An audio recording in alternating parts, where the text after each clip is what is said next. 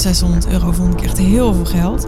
En toen dat najaar ging ik opeens 8000 euro investeren. Nou, dat was, vond ik toen helemaal insane veel geld, weet je wel. En later, later, ja, en later nog veel meer. Maar ehm, dat heeft wel. ehm, dat heeft wel alles veranderd. En, en ook gewoon het feit dat ik, dat ik die investering deed. Dus als, als wijze van spreken er inhoudelijk helemaal niks meer geweest was. Dus inhoudelijk was het programma 0,0. Ehm, dan had het ook al een transformatie voor me betekend. Want zo'n investering doen en daarmee die urgentie creëren, maar ook ehm, daarmee aan jezelf bewijzen dat, het, dat je het echt serieus neemt, dat je het echt anders wil, maar ook dat je het vertrouwen in jezelf hebt dat je het kunt. Anders ga je jezelf niet zo klem zetten. Als je denkt dat je ten onder gaat, ga je het niet doen. Dus ergens heb je het vertrouwen ook dat je blijft drijven. Ehm, ja, dat, eh, dat heeft mijn leven echt veel en veel beter gemaakt.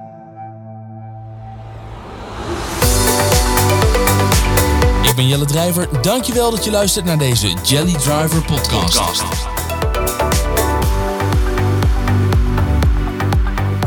Ik zit met Suzanne van Schaik aan tafel, zo ineens hier Ja. op kantoor. Ja, ik volg je al een tijdje, je, vooral op Instagram. Je bent nu ook weer eh, vol gas aan het eh, livestreamen. Dat doe je nou, de laatste tijd wat minder vaak, maar je met enige regelmaat deel jij je kennis en laat je mensen over je schouder meekijken met wat je aan het doen bent Ja. via Instagram. Eh, Ja. dus via Instagram heb ik jou ontmoet. Oké. Eh, ik ben natuurlijk zo dadelijk eh, eh, benieuwd hoe jij zelf zou vertellen wie je bent en wat je doet. Maar ik zie je toch een beetje als eh, de vrouw van 25.000 euro. Oh. Je hebt soms eh, de man van Ja. 1 miljoen. Je bent toch een beetje de vrouw van 5. ik zeg niet dat Ja, ik dat de man ben van leuk, 1 miljoen, maar je bent toch een beetje de vrouw van de 25 mil. Ja, Toch? ja. Wa- wa- waarom, waar Ja. komt het vandaan, die 25.000 euro? Dat ik jou daarmee associeer. Nou, mijn marketingboodschap is een tijd geweest dat ik ehm, kennisondernemers help om eh, van hun dienst een programma van 25.000 euro of meer te maken. Dus daar komt dat vandaan. En eh, die 25.000 euro is een, een beetje een lukraak getal, zeg ik heel eerlijk. Maar wat ik merkte is dat ik, ehm, als ik het had over high-end programma's, want daar had ik het daarvoor een tijdje over, dan eh, snappen mensen A gewoon niet zo goed wat is high-end. Ehm, en B, als mensen daar wel een beeld bij hebben, dan is dat super subjectief. Dus sommige mensen vinden 1500 euro high-end. Ehm, en andere mensen vinden 10.000 euro high-end. En weer andere mensen vinden 100.000 euro high-end. Dus ik dacht, ik ga daar wel een bedrag aan koppelen. Om ehm, eh, ja, ook een beetje de lat wat hoger te leggen voor de mensen die ik aantrek. Dus ik, ik had op een gegeven moment zoiets van, ja, ik, ik kan eh, de meeste waarde toevoegen voor ondernemers die al meer ervaren zijn. En starters beginnen meestal niet met de 25.000 euro aanbod. Kan wel hoor, kan zeker, maar meestal niet. Dus in ieder geval, als je het hebt over 25.000 euro, is er wel een bepaald niveau, ambitieniveau of niveau van ervaring. Nou, daar is dat, dat getal uitgekomen. Ja, maar het klinkt een beetje alsof het verleden tijd is. Want je, ik had het Ja. altijd over high-end en Ja. ik had het altijd over 25 mil. Maar is het dan, want hoe noem je het nu dan? Eh, nou, het is niet verleden tijd. Ik doe nog steeds eh, wat ik altijd deed. Alleen ik eh, experimenteer wel veel met hoe ik daarover praat in mijn marketing. Omdat ik eh, ja, natuurlijk precies de juiste mensen wil. Dat is voor mij heel belangrijk. Omdat ik eh, ja, me niet richt op de massa, maar echt op de beste klanten. Maar dat betekent wel dat je de krent uit de pap moet vissen. Ehm, dus ik, ja, experimenteer wel met mijn marketingboodschap. Van nou, wat, eh, welke boodschap levert mij die krenten op? Ja.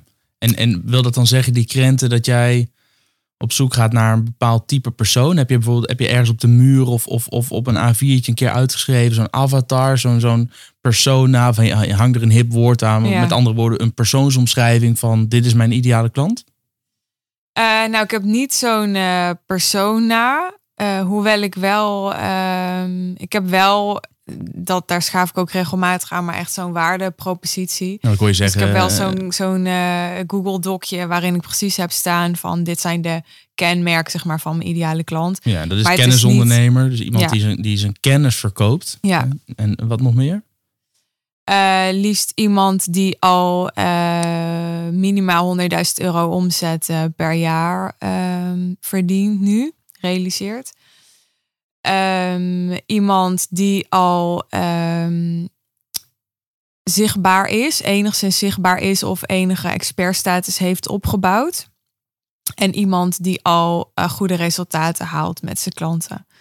Dus dat zijn allemaal kenmerken van een ondernemer die al wat langer bezig is. En wa- waarom zijn die kenmerken belangrijk? Een, een ton omzet al, al een soort van expertstatus, al wat langer bezig. Wa- wa- Ja. Waarom is dat? Waarom staat dat in dat dokje? Omdat ehm, die mensen, denk ik, eh, al eh, voor een groot deel ehm, op weg zijn. En dus veel sneller resultaat kunnen halen in mijn eh, traject dan ondernemers die dat allemaal nog niet hebben. En daarin nog bij nul of op 10% of zo moeten beginnen. Want daar zitten vaak nog meer persoonlijke blokkades. Daar zitten vaak nog meer. ehm, ja, die hebben vaak nog minder. eh, bijvoorbeeld doorzettingsvermogen moeten tonen. Maar ook gewoon minder ervaring met marketing en sales. Dus die moeten gewoon nog veel meer leren. En dat is helemaal eh, natuurlijk oké. Alleen hoe meer iemand al weet en kan en gedaan heeft, hoe sneller die met mijn input, is mijn ervaring, ehm, nog veel harder kan groeien. En dat traject van jou, hoe lang duurt dat? Want ik kan me voorstellen als jij een traject hebt van, eh, ik zeg maar wat, een jaar of 18 maanden. Dat het dan handig is om dat startpunt bij zo'n ondernemer al op een bepaald niveau te hebben. Om in die 18 maanden de klus te kunnen klaren. Maar hoe lang duurt zo'n traject?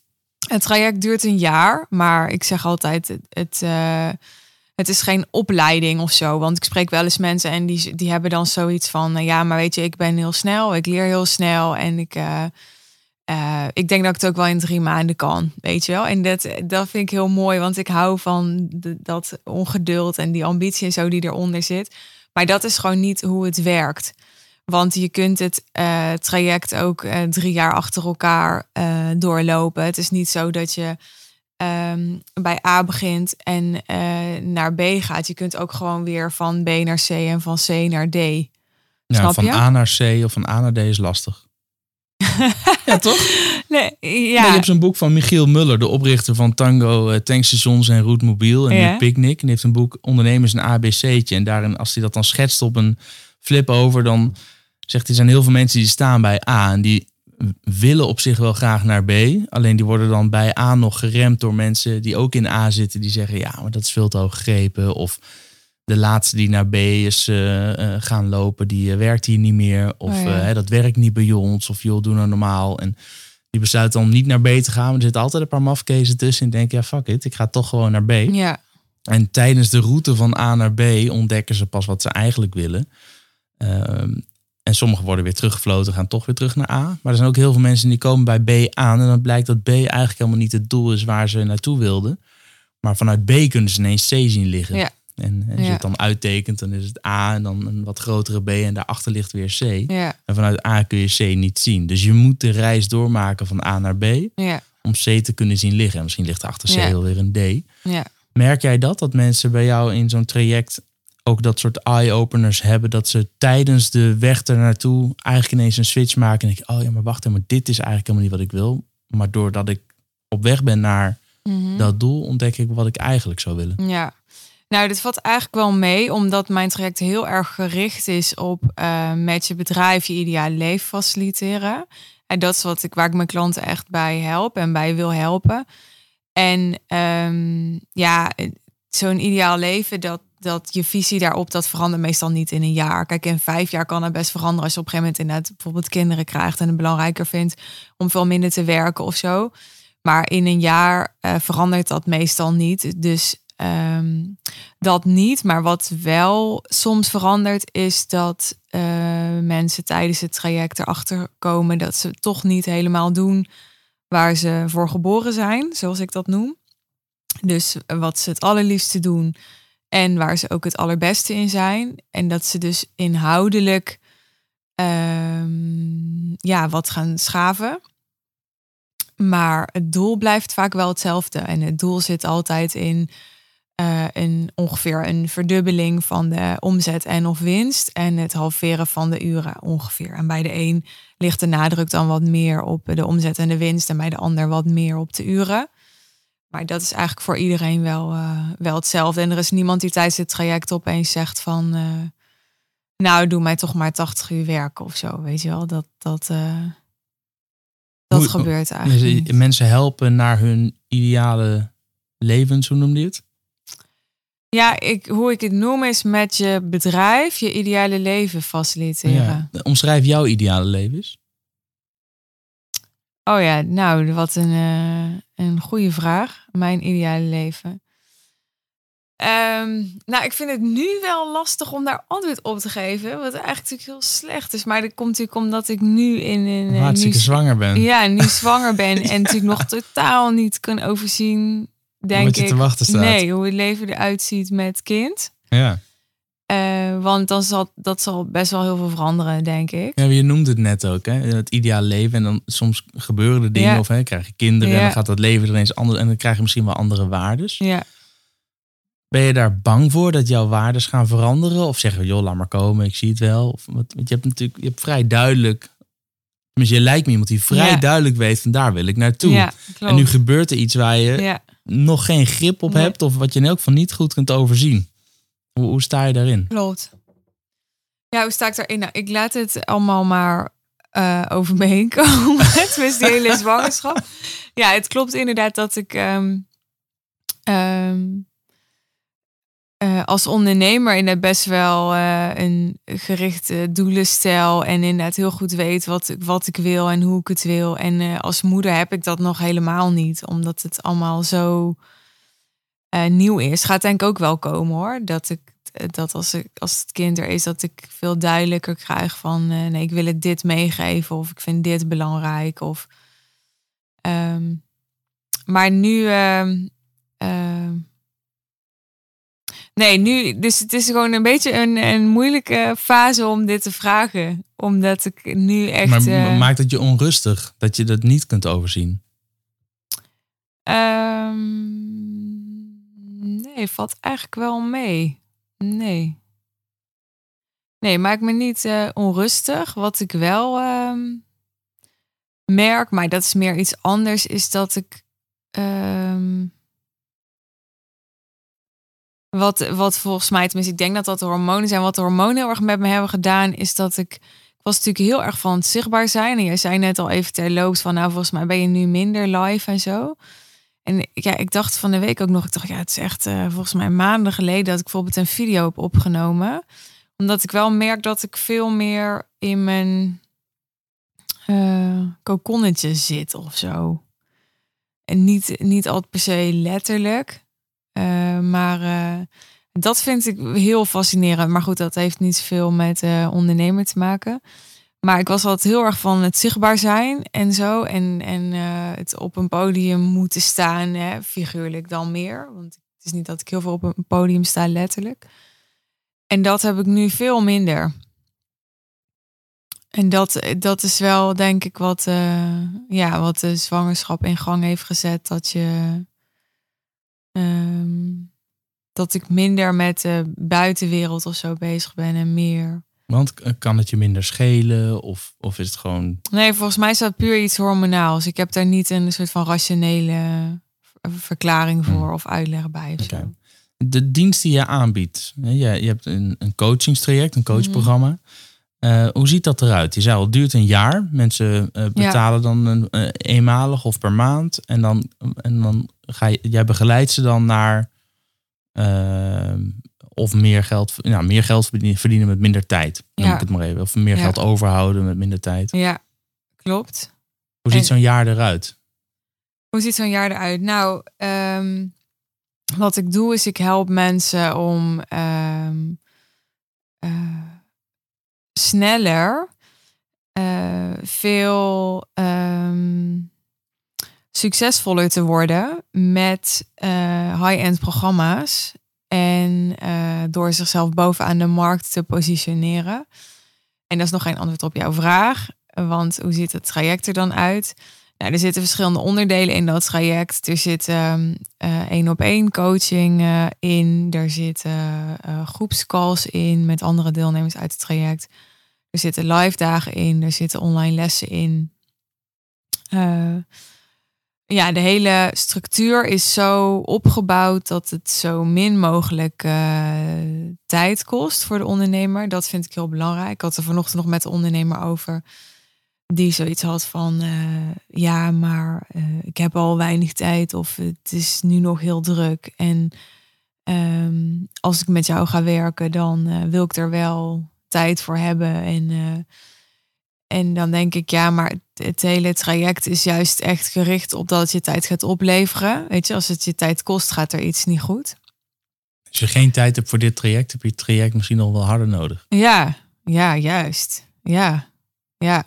Dus um, wat ik wil zeggen is dat, um, dat het traject zo is ingericht dat het je zo min mogelijk um, tijd hoeft te kosten.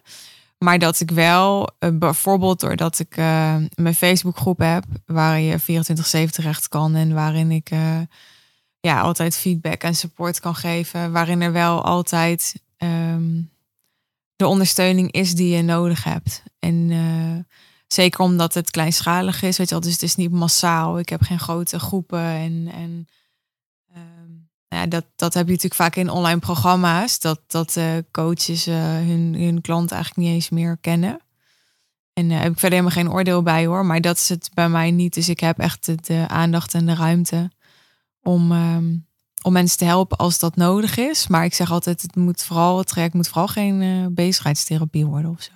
Dat is ook wel een voordeel, denk ik, van het, het high-end. Het feit dat je relatief hoge bedragen.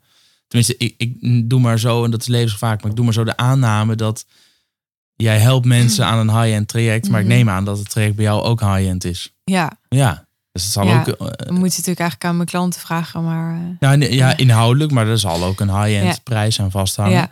Maar ik kan me ook voorstellen, doordat je zo'n hoge prijs vraagt, heb je ook minder deelnemers nodig. Waardoor je eenvoudig die deelnemers die er zijn ook meer aandacht en support kunt geven. Zeker.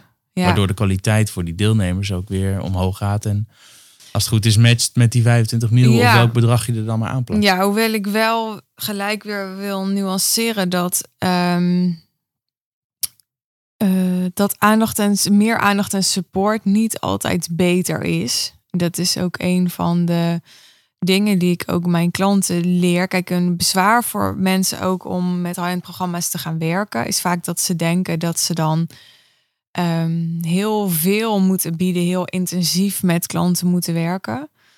Uh, maar uiteindelijk is dat niet um, waar het om gaat. Het, gaat uiteindelijk altijd om het resultaat.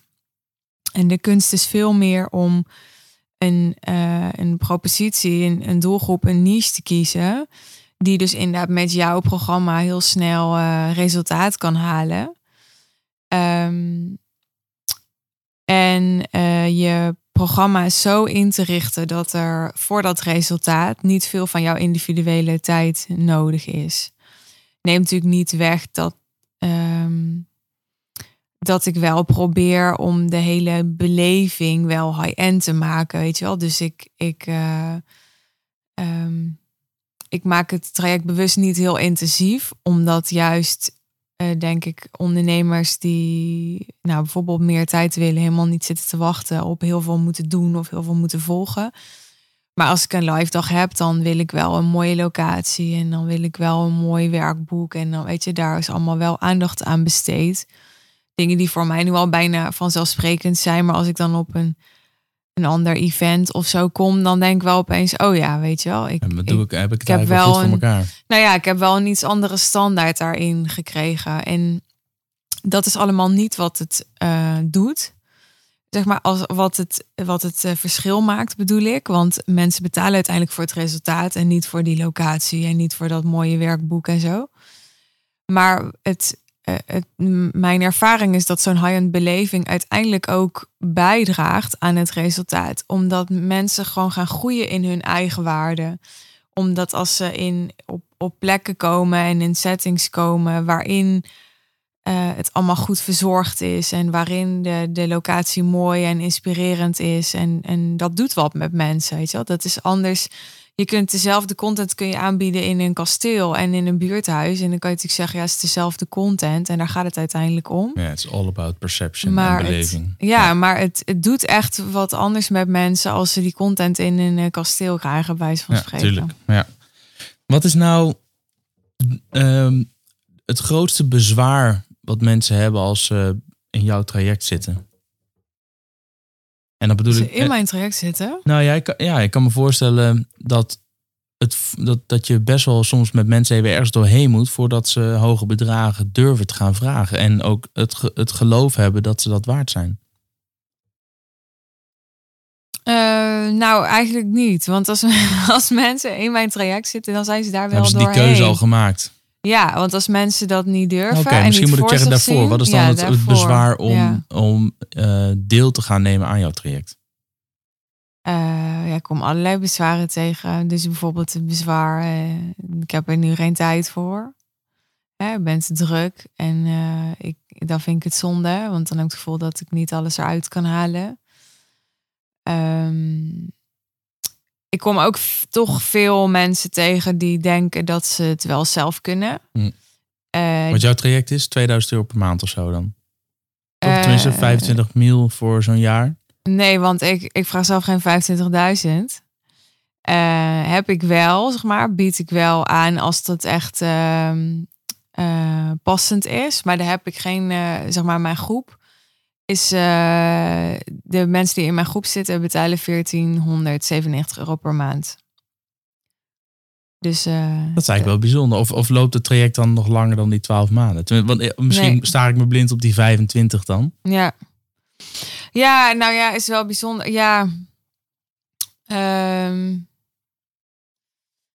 Nou, ik, ik ben daar eind vorig jaar. Het was mijn doel voor eind vorig jaar om zelf een 25.000 euro programma te hebben. En ik heb daar toen bewust niet voor gekozen, omdat ik. ehm, ik gewoon dacht dat er meer winst te behalen was. En dat denk ik nog steeds in, in ehm, het vergroten van mijn conversie bijvoorbeeld. En ehm, juist ook ervaring opdoen met klanten. En kijk, ik kan altijd meer high-end gaan, maar ik had zoiets van, ik ben eh, in 2017 begonnen met eh VIP-dagen verkopen van 800 euro. En ehm, nog een jaar later eh, verkocht ik een traject van 15.000. hè. Dus dat is al heel snel gegaan. En daardoor had ik ook zoiets van: oh, nou, als ik 15.000 kan, kan ik ook 25.000. En ik heb ook nog steeds wel de overtuiging dat ik dat kan. Maar ik had op een gegeven moment ook wel zoiets van: ja, ehm, wat win ik daar dan mee?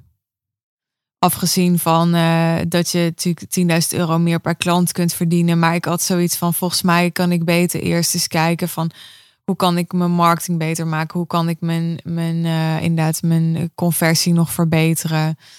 Ehm, mijn propositie nog aanscherpen. Ehm, want ik, ja, ik was zeker als ik het vergelijk met, eh, met andere coaches die in, in eh, de programma's zaten die ik zelf heb gevolgd, ging ik al heel snel. Dus ehm, ja, nou ja, dat is gewoon een keuze die ik heb gemaakt. stukje achtergrond. Want wat, wat, wie was Suzanne van Schuik voordat je dit ging doen, dit ging aanbieden? Je hebt, je hebt kunst verkocht, maar wat heb je allemaal gedaan? Kunst verkocht. Ja, Ja, toch? klopt. Ja, toch? Ja, wat heb je allemaal gedaan kort, voordat je... Ja. Hoe weet je dat? Ja, inlezen. Ja, grappig. Ehm, wat heb ik allemaal gedaan? Nou ja, het belangrijkste is dat ik een fashionblog heb gehad. Dat weet volgens mij de hele wereld eh, wel inmiddels. Tenminste, mensen die mij volgen. Eh, dat, dat is hoe ik ondernemer ben geworden. Dus ik ben op mijn vijftiende eh mijn fashionblog gestart. Hoe heette dat? Fashion is a party. En eh, Je begint, je begint ineens te lachen. ja, nou. ik, ja, als ik het zo zeg, dan, dan ja, ik weet niet. Het, Ja? Klinkt een beetje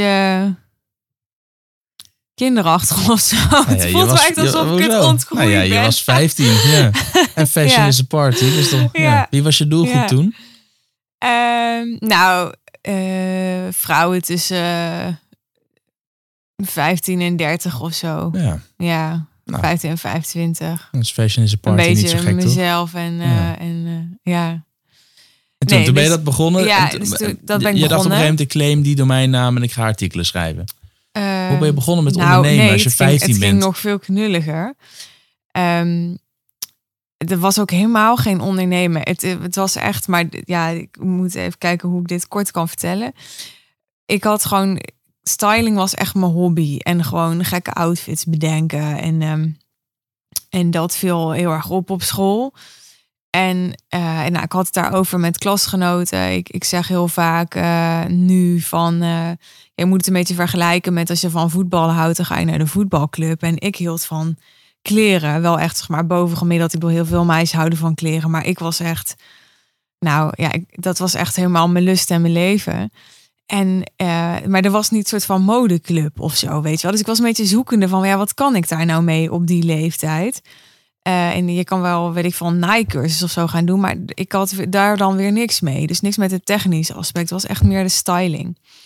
En toen op een gegeven moment kwam een klasgenoot van me op de middelbare school. Die zei van nou, ik volg een aantal fashionbloggers uit Amerika toen. Want in Nederland waren die nog amper. En misschien moet je dat eens gaan doen. En toen ging ik daar naar kijken. En toen weet ik nog dat ik helemaal dacht van wauw, ik vond die foto's al heel mooi. En, eh, en ja, die hadden dan ook kleren die veel duurder waren dan, dan ik had. En kon betalen op dat moment. Dus ik dacht nou, dat is toch niks voor mij. En eh, toen kwam ik thuis, had ik het daar met mijn vader over. En toen weet ik nog dat mijn vader zei, Assus, er is overal markt voor, weet je. Er zijn ook juist meiden die het leuk vinden om te zien hoe je dan met minder dure kleren kan combineren. Dat ik, ja, nou, dat zal dan wel. Toen ben ik gewoon begonnen met eh, op zo'n blogspot-accountje. Dat was zo'n Google-blog, kon je dat starten. oranje met dat witte Ja, beetje. Precies, dus ik Ja. had niet eens een eigen domeinnaam. Ik wist ook niet eens hoe dat werkte. Ik had gewoon zo'n blogspot dingetje aangemaakt. En dat was gewoon suus.blogspot.com of zo. En dan ben ik gewoon elke dag met de zelfontspanner een foto gaan maken van mijn outfit en die daarop gaan zetten. En geen hond die er naar keek. Maar ik, dat is dan een van mijn kwaliteiten. Ik heb wel echt veel zelfdiscipline als ik iets in mijn hoofd heb gehaald. Dus ik bleef dat gewoon doen. Maar omdat je het zelf leuk vond. Ehm, ja, omdat wat ik er leuk aan vond, is dat ik heel vaak het dat ik ehm, het zonde vond dat ik echt wel voor mijn gevoel heel veel creativiteit in die outfit stopte. En het voelde een beetje alsof niemand dat zag. Weet je wel, op school zagen mensen dat wel, maar Dat was niet jouw doelgroep. Daar nee, daar had snap je die waren mee. daar niet mee Nee. bezig. Dus je kreeg Dus geen ik- complimenten. Nou, Mensen konden het niet op waarde schatten. Nee, nou ja, niet dat het me nou om de complimenten ging. Maar ik zocht ook wel naar inderdaad anderen die, die ook diezelfde passie of hobby hadden. Daarom zei ik ook al van, ik zocht een beetje naar een soort van modeclubje of zo. En toen op een gegeven moment, hoe dat precies ging, weet ik niet meer. Maar op een gegeven moment had ik voor het eerst dat mensen ja, daarop gingen reageren. En, en, en eh, toen wist ik ook nog helemaal niet dat je kon zien hoeveel mensen je blog bezoeken. En dat, had ik echt geen idee van.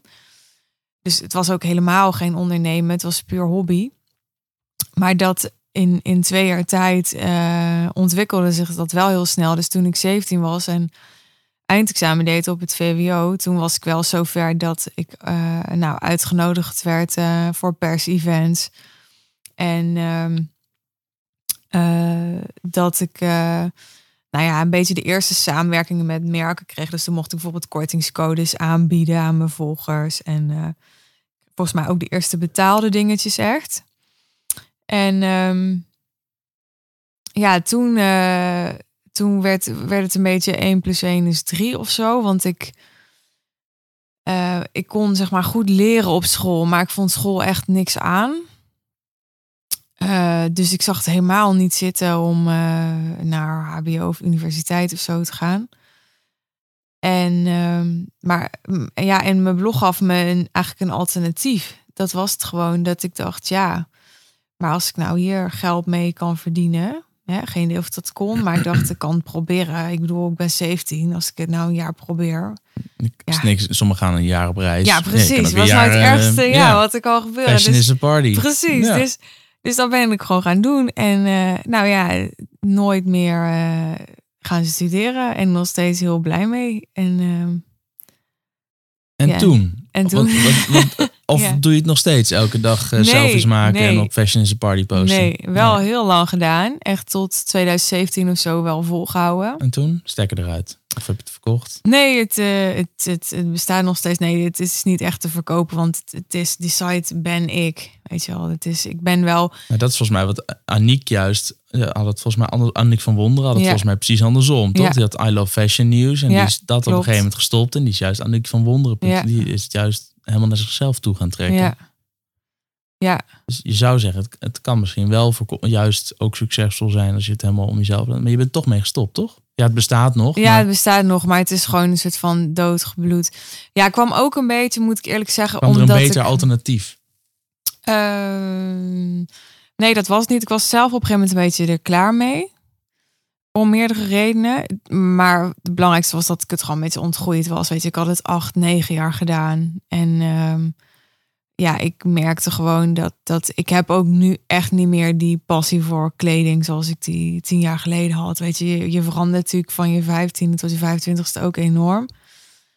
Dus ehm, dat was een belangrijke reden. En hoe het uiteindelijk is gegaan, is ik, ehm, ik had een, eh, een compagnon voor Fashion is a Party. En we hadden eh, ook echt plannen, een soort van eh, businessplan liggen met wat we ermee gingen doen.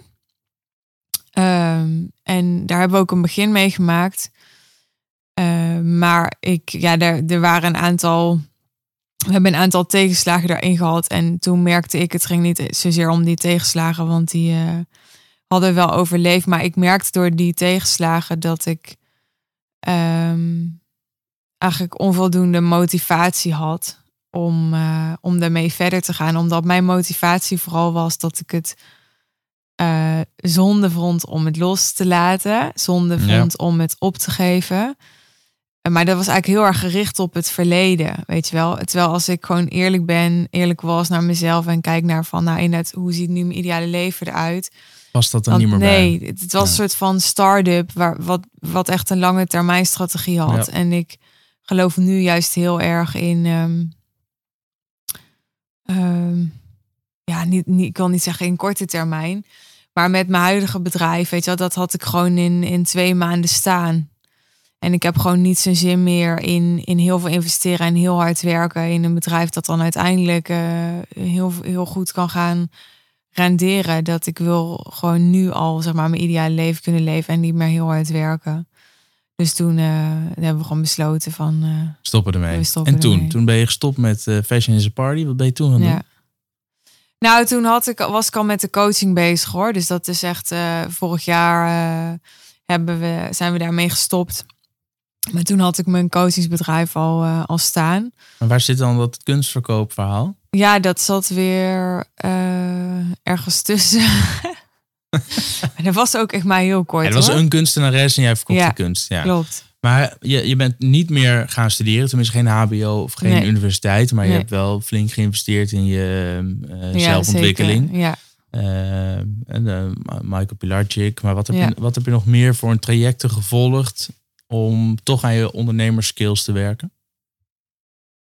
Eh, wat heb ik nog meer voor het trajecten gevolgd? Ehm, nou, ik heb bij eh, Laura Babliowski echt het, Oh ja. eh, het high-end ondernemen geleerd.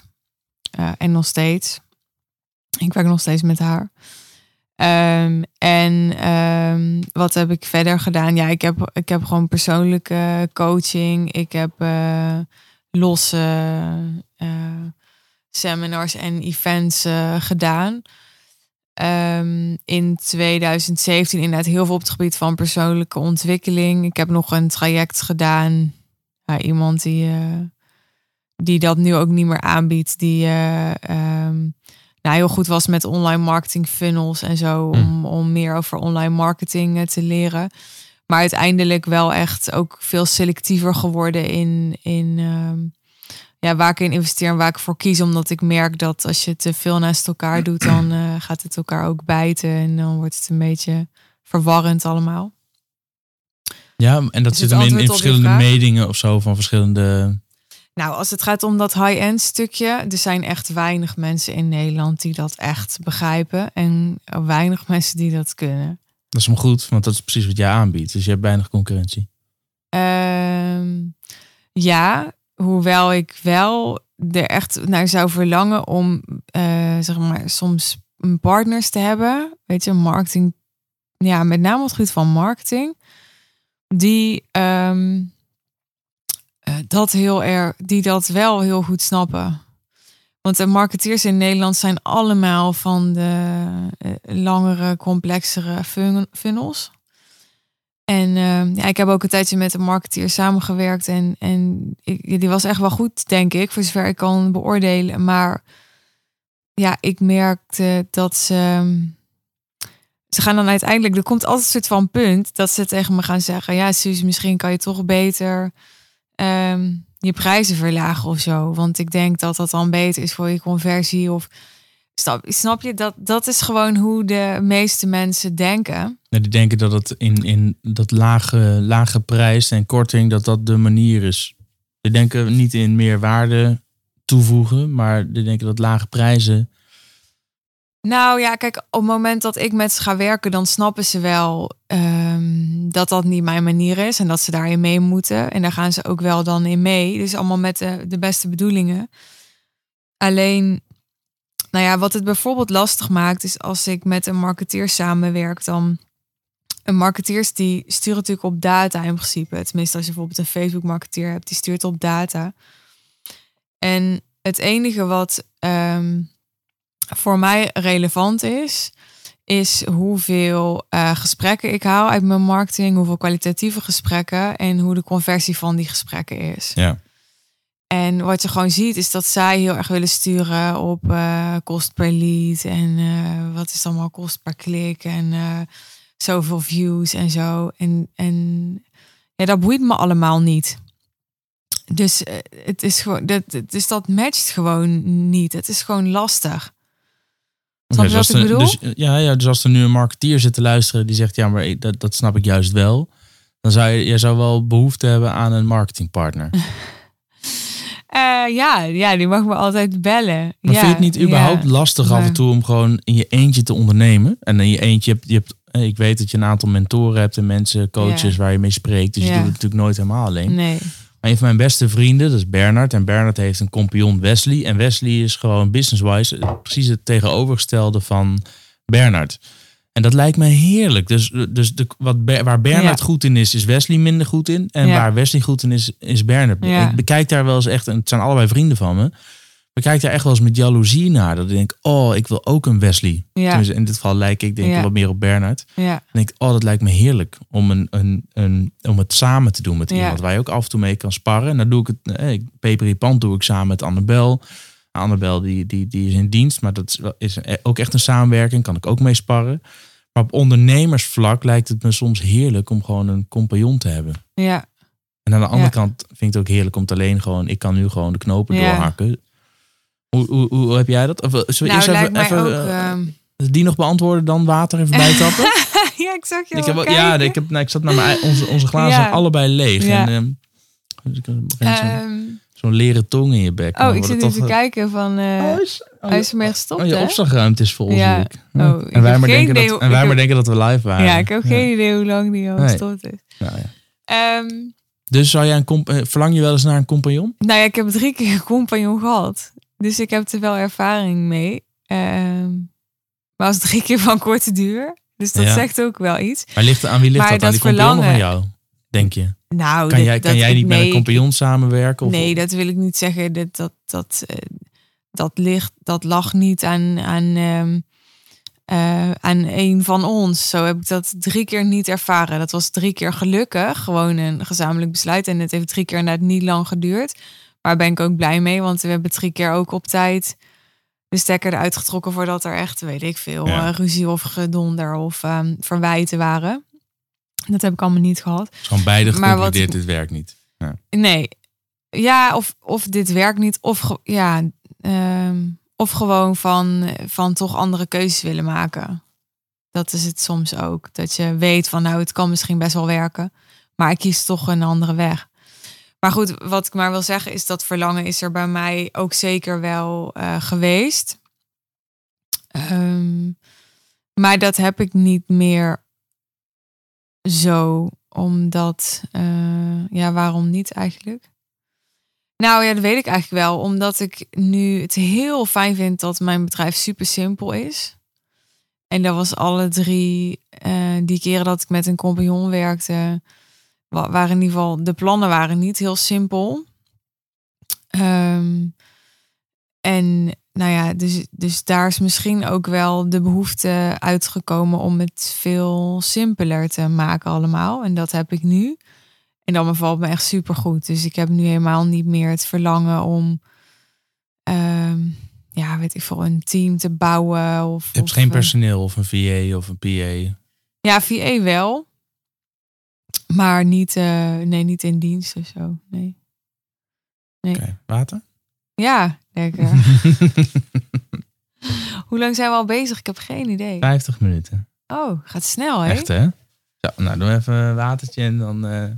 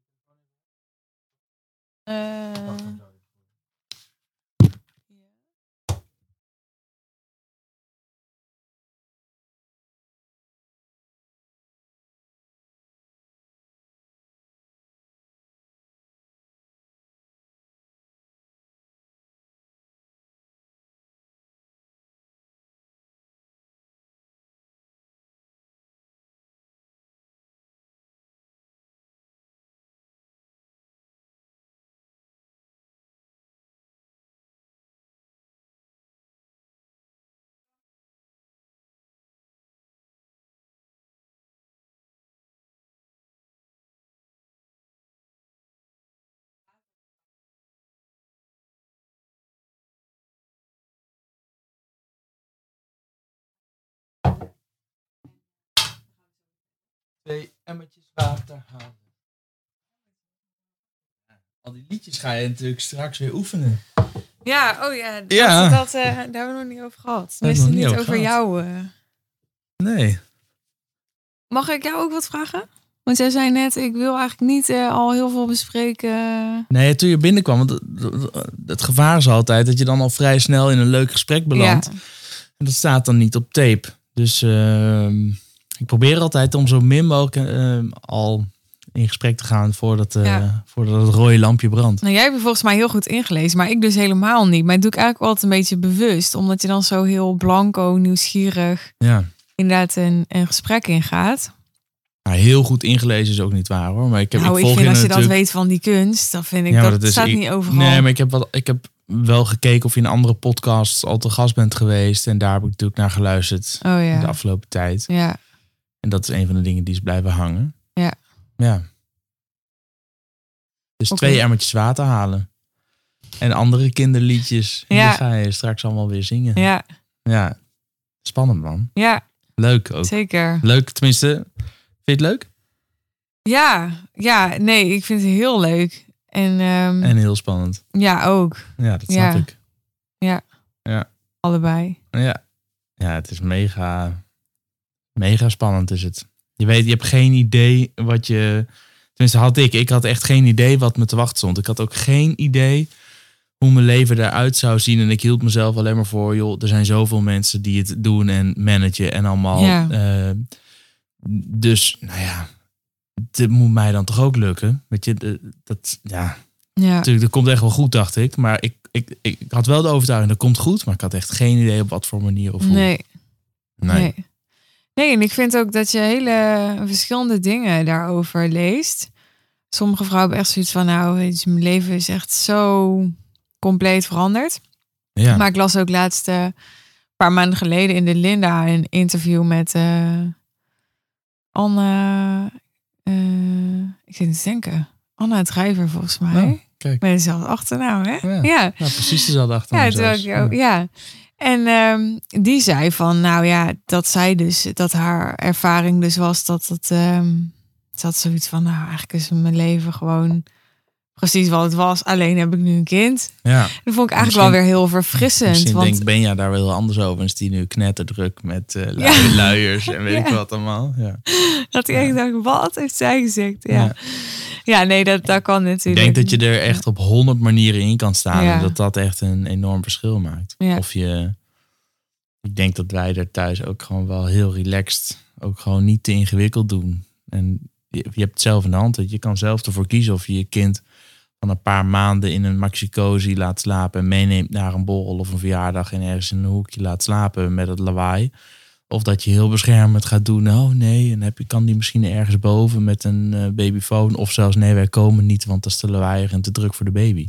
Ja, dat zijn allemaal verschillende manieren. Ja. Wij waren, ik heb echt met met, met die baby op mijn buik en zo'n draagzak gewoon aan het stofzuigen met de muziek aan. En het kind sliep gewoon door. Ja, dat slaapt nu nog steeds heel relaxed en heeft geen last van lawaai als die wil slapen. En dat, ja, maar iedereen is daar anders in. Dus Ja. er, is, er is volgens mij ook niet één manier of zo. Nee, En die draagzak is ook een voorbeeld. Toen ik echt toen, ik heb echt altijd geroepen als ik een man met zo'n met zo'n draagzak om zijn buik zag lopen. Dat, ik echt dacht, nou dat ga ik dus echt, echt nooit doen. Wat een tamme sukkel ben je dan. Sorry hoor, maar zo ga ik er echt niet bij lopen. nee.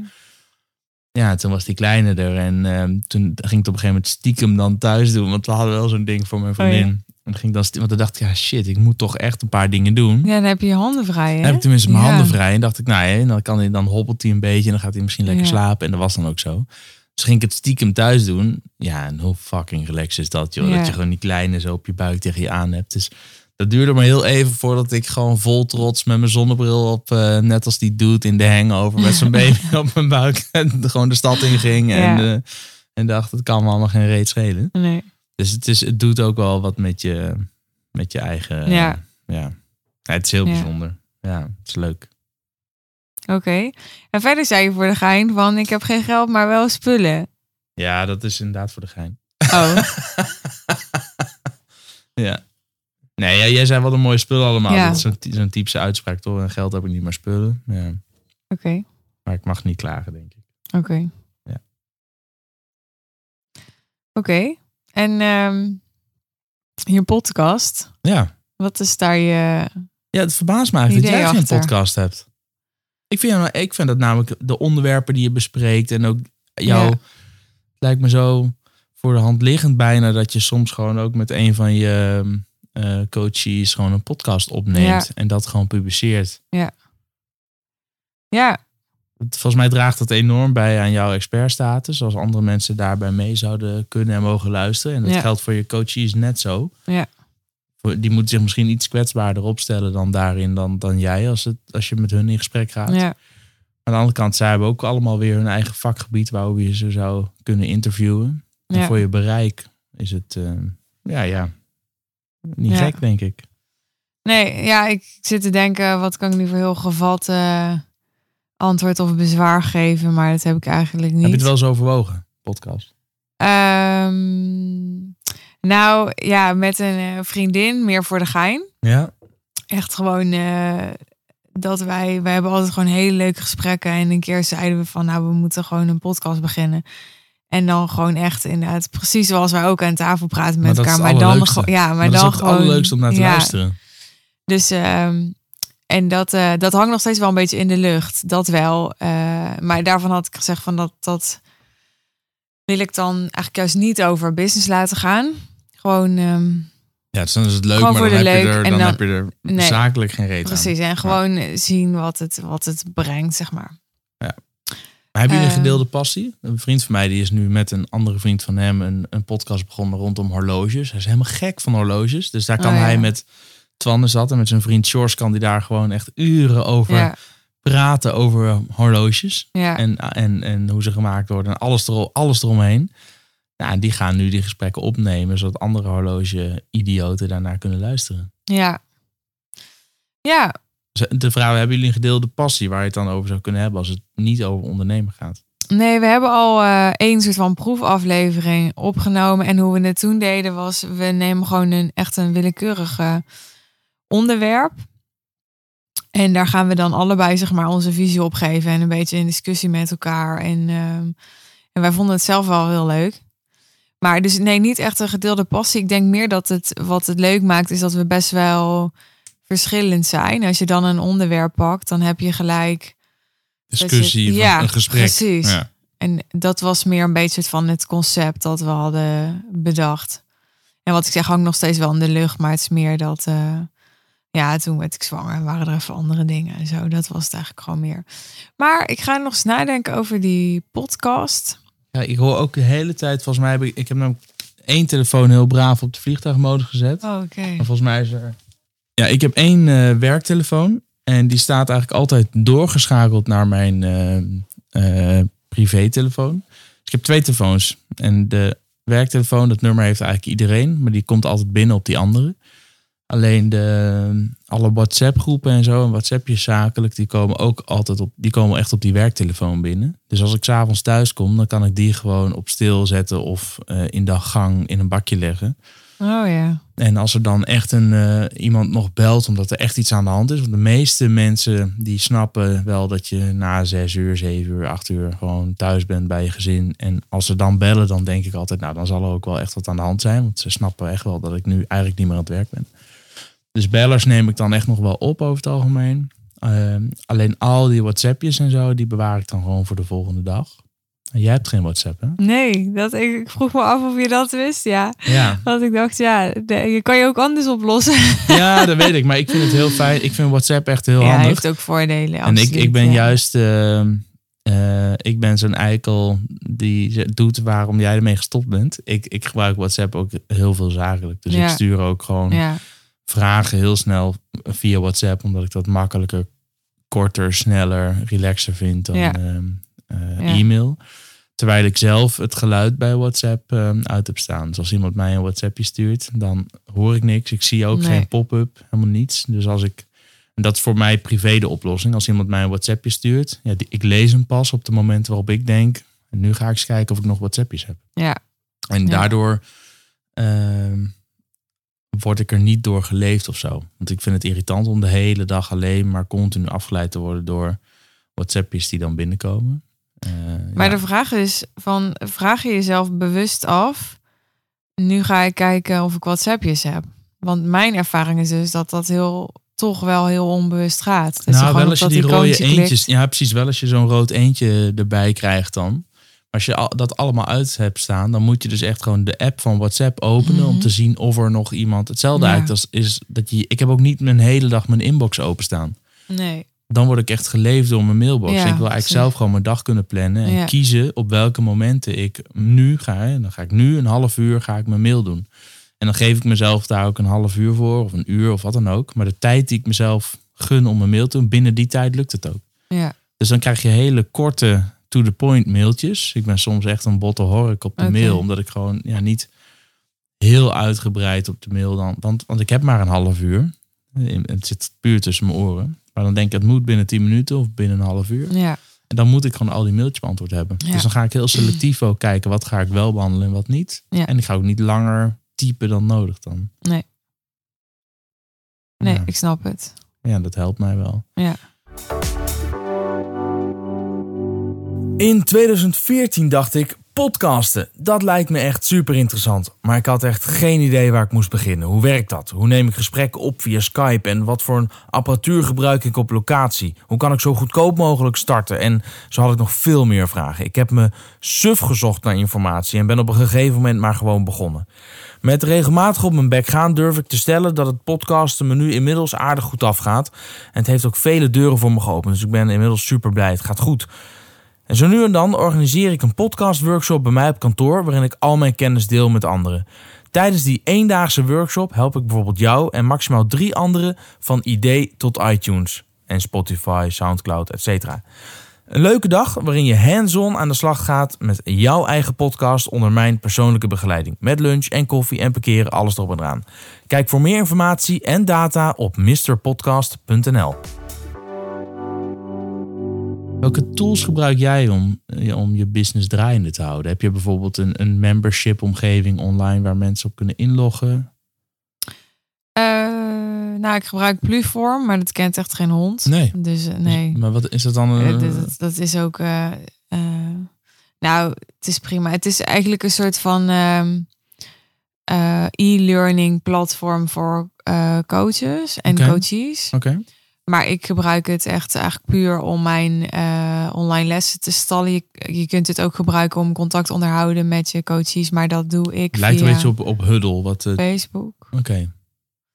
Ehm, lijkt op Huddle. Ja, ik heb zelf Huddle nooit gebruikt, dus daar kan ik niet echt wat over zeggen. Maar ehm, ja, Huddle is echt voor communities natuurlijk, toch? Ja, maar ook om je, om je online ehm, eh, videolessen en eh, kennisproducten Ja. te verkopen. Maar dan zit er wel meteen ook een soort community omgeving bij. Eigenlijk een, lijkt het op Facebook. Een Facebook groep. Behalve, tenminste als ik het goed begrijp. Waar je dan niet gebonden bent aan de kaders van Facebook. Nee. Maar waarbij het wat meer is ingericht ook om zelf Ja. echt een community te bouwen. Ja, ja. Nou, dus ehm, ja, daar, daar heb ik, twijfel ik ook wel eens over van, ja, wil ik wel ook mijn klanten in een, ehm, in een Facebookgroep eh, zetten? Eh, Ik merk dat- dat in mijn omgeving Facebook gewoon langzaam een beetje doodbloedt. ja, maar goed, ik, ik hoor ook vaak van klanten van, ja, ik gebruik Facebook helemaal niet, maar dat hoeft natuurlijk ook niet. Snap je? Je hoeft niet Facebook te gebruiken om in die groep om te zitten. ja, en Ja. Want dat doe ik zelf. Privé gebruik ik. Ik, ik gebruik wel mijn pagina dan om mijn, mijn content door te posten. Maar privé doe ik ook niks eh, met Facebook. Ja, af en toe kan ik wel als meer. messenger Ja. bericht of zo. Ehm, dus, maar ja, op zich werkt het prima. Ik heb dus ik heb niet echt aanleiding om het eh, om dat te veranderen. Maar wat ik wel graag wil, is een gewoon in. eh, dat ga ik denk nog wel dit jaar of zo eh, laten maken. Echt een besloten leeromgeving van mezelf. Nou ja. Dus dat ik gewoon het zelf. eh, eh, ja, dat ik bijvoorbeeld gewoon een, een ehm, zeg dat, een besloten WordPress Ja. site heb of Ja, zo. heb Of ik moet dan even kijken Ja. hoe dat En precies Ik heb doe. dat dan met ehm, eh, in combinatie met de wishlist member. Dat is dan Oh, een ja. plugin om Ja. content af te schermen en Ja, membership wishlist status. hoorde eh, ik ja. ook een tijd geleden over. Ja. Maar ook dat kan weer in, eh in Huddle. Dus ik zit nu een beetje met mijn. Ik heb een, een online pod, podcast cursus in combinatie met offline. Dus mensen komen dan hier ook leren podcasten van idee tot iTunes. En- Oh, dus daarom zei jij.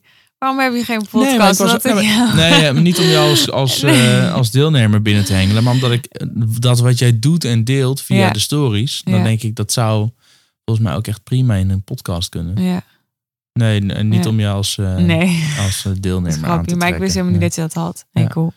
Dus ik zit wel eens te denken om dan daar om dat om te gooien naar een, eh een huddle-omgeving. En, en ook om dan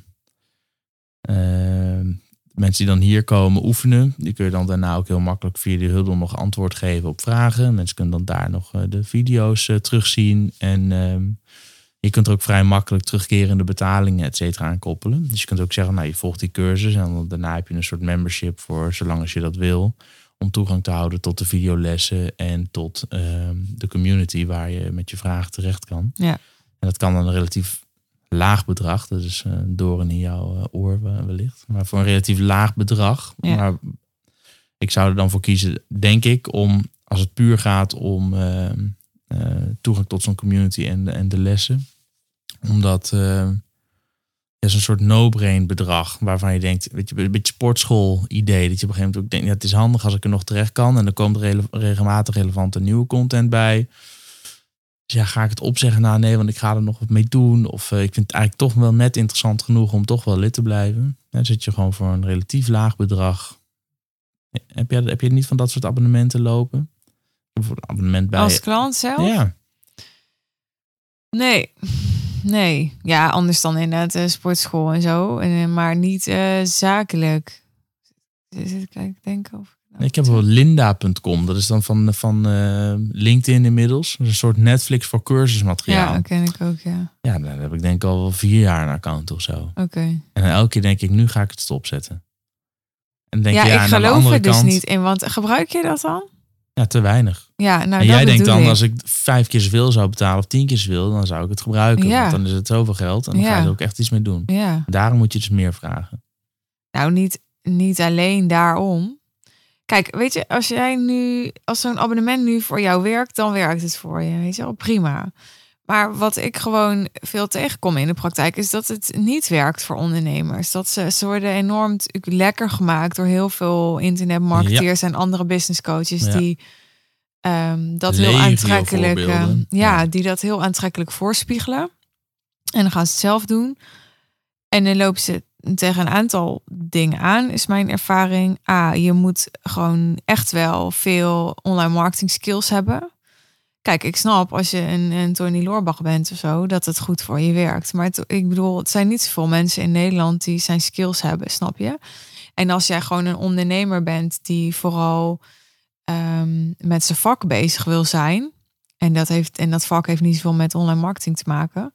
En dat zijn vaak wel de ondernemers die ik aantrek. Ehm, dan merk je al heel snel dat je echt best wel veel tijd en geld moet investeren al in die vaardigheden. Eh, terwijl je dat, eh, terwijl zij dat vaak helemaal niet echt leuk vinden. Dat is niet hun, ehm, eh, ja, niet hun core business. Ze willen vooral met hun vak bezig zijn. Dus daar lopen ze dan tegenaan. Ehm ze lopen er tegenaan dat, eh, nou ja, dat als ze dan eenmaal bijvoorbeeld geleerd hebben van hoe je zo'n funnel opzet, dat dat vaak dan toch tot tegenvallende resultaten leidt. Ook dat heeft vaak weer met die vaardigheden te maken. Ik denk dat als je eh, bijvoorbeeld echt heel succesvol wil zijn met, eh, met grote lanceringen of zo, dat je heel goed moet zijn in copywriting. Dat je precies, dat heel precies komt, weet je wel, eh, hoe je je landingspagina in elkaar zit, hoe je webinar in elkaar zit, hoe je social media content in elkaar zit. Nou ja, heel veel die, die hebben daar denk ik te weinig kaas van gegeten. Dus die zijn dan, dan twee, drie maanden eigenlijk non-stop aan het werk aan zo'n lancering. En dan eh, verkopen ze een online programma van 500 euro. En dan, ehm, ja, weet je, dan verkopen ze er 10 of zo. Weet je wel, en dan heb je in drie maanden tijd heb je dan 5000 euro. Weet je, dat, ik hoor dat echt vaak. En eh, dat schiet gewoon niet echt op. En dat, dat natuurlijk kan je dan zeggen van oké, ik ga verbeteren en dan de volgende lancering ehm, eh, meer. Maar dan ga ik uit van een bedrag van 500 euro. Maar ik hoor ook ondernemers die lanceringen doen met programma's van 100 euro. Weet je wel? wel heel veel nodig. Ja. En dus, dus dat is gewoon wat ik, ehm, wat ik terughoor. En dan het, het andere ding is dat ze eh er klanten mee aantrekken. eh, waar ze gewoon niet echt blij van worden. Want om eerlijk te zijn, ja, ik koop bijvoorbeeld zelf ook geen programma van 100 of 500 euro meer. Ik heb zoiets van, nou, of ik ga ehm, ergens vol in, weet je wel, gewoon al in en dan wil ik ook het, het beste en op de beste manier ermee geholpen worden of niet. Wat zijn nou echt trajecten die jij hebt gevolgd of cursussen die je hebt gevolgd waar je, waarvan je zegt, nou dat vond ik echt heel waardevol. Dat heeft me echt veel opgeleverd. Eh, nou ja, ik heb dus bijvoorbeeld het eh, business coach programma bij, ehm, eh, bij Laura gedaan. Ja. Om zelf business coach te worden. Ja, dat heeft me heel veel opgeleverd. Ik heb daar mega veel aan te danken. Ja. Nou dat. Alleen dat? En nee. Tenminste, ik heb het idee dat je best wel veel investeert in jezelf en Ja. in dat soort cursussen. Als je dan Jawel. alleen Laura noemt. Ja, maar ik heb vooral ook veel in Laura geïnvesteerd. Dus het is niet, zeg, ook dat zit hem niet zozeer in kwantiteit, snap je? Dus ik heb niet heel, wat ik zeg, niet heel veel dingen naast elkaar gedaan. Maar bijvoorbeeld, ehm, dat is natuurlijk op een heel ander prijsniveau, maar op dat moment niet. Toen ik de eerste keer naar Michael Pilarczyk ging, heeft ook heel veel voor me gedaan. En dat ik betaalde daar toen eh, voor Maximum Potential eh, 600 euro voor of zo de eerste keer. Maar dat vond ik toen, want het was nog voordat ik zelf met het hele high-end ondernemen bezig was, ook ehm, mega veel geld. Is natuurlijk ook voor, eh, voor heel veel mensen heel veel geld. Ja, ik weet Ja. je, ik was gewoon niet gewend om ehm, zulke bedragen daaraan uit te geven. Het ging niet veel verder dan een boek van 30 euro. En dan opeens twee dagen 600 euro. Ehm, dus eh, het, het gaat, dat is ook wat ik, waarom ik weet van die 25.000 euro ben afgestapt. Omdat het niet zozeer gaat om het bedrag, maar het gaat meer om ehm, dat je een veel hoger bedrag gaat vragen dan je nu vraagt. Zodat je een, een volgende doorbraak creëert. Eh, in binnen je bedrijf, zodat je bedrijf naar een volgend level gaat. En voor de een is dat dan 3000 euro, voor de ander is dat dan 100.000 euro. Maar goed, even terug naar jouw vraag. Dat heeft dus ook heel veel voor me gedaan. Ehm, wat heeft nog meer heel veel voor me gedaan? Ik denk eigenlijk dat dat wel ehm, de belangrijkste zijn. Ja, ik heb na, nadat het programma van Laura en uh, een ander programma van Laura gevolgd. Nog steeds. Heeft ook heel veel voor me gedaan. Wat zijn nou, Dus- eh, wat zijn nou dingen die je daar geleerd hebt? Noem eens, noem eens voorbeelden van inzichten die je daar hebt opgedaan. Of, of eh, dingen waar je doorheen bent gegaan die je nu helpen als ondernemer. Ja, heel erg veel.